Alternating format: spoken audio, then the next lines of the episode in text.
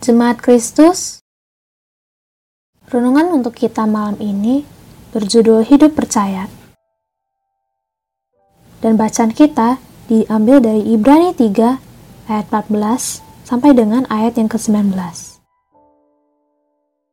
Beginilah firman Tuhan.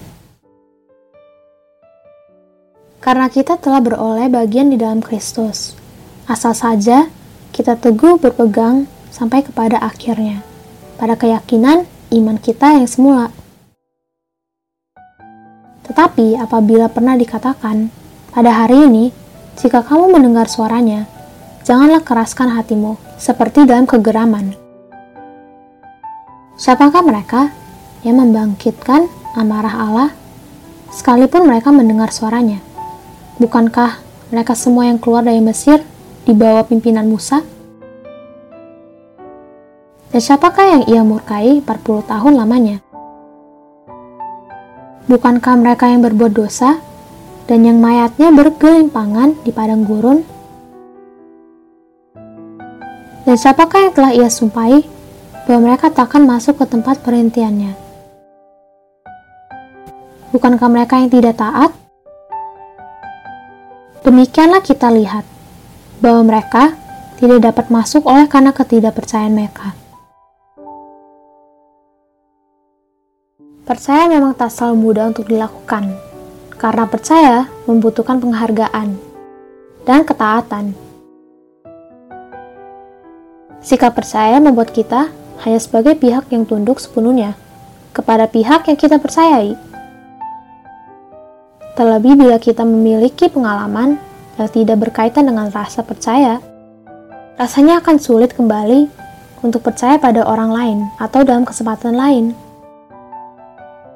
Karena pada dasarnya, bila kita percaya, kita akan sangat mungkin untuk kecewa dan patah hati, karena kita tidak akan bisa memahami jalan pikir seseorang. Bisa dengan cepat berubah dan berbeda.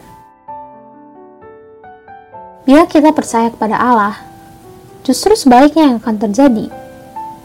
Allah tak akan pernah ingkar janji, karena Ia adalah setia Allah dengan kemahakuasaannya mampu menjadi tempat berlindung bagi kita semua.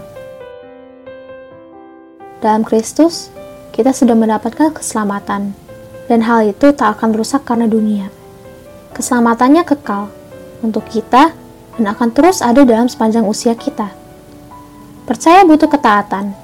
Oleh karena itu, maukah kita taat sepenuhnya kepada Allah? Maukah kita menyerah kehidupan kita kepada Allah? Dan maukah kita menjadi orang benar dengan melakukan apa yang menyukakan hati Tuhan? Jalan menuju itu tak mudah, karena ada banyak godaan.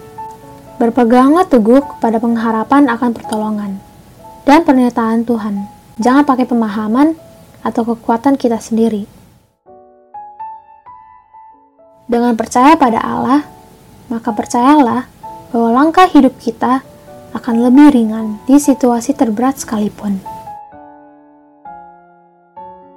Demikianlah renungan malam ini. Semoga damai sejahtera dari Tuhan Yesus Kristus tetap memenuhi hati dan pikiran kita.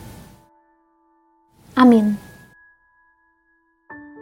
Jemaat yang terkasih, mari kita bersatu hati menaikkan pokok-pokok doa yang ada dalam gerakan doa 21 GKI Sarwainda. Mari berdoa.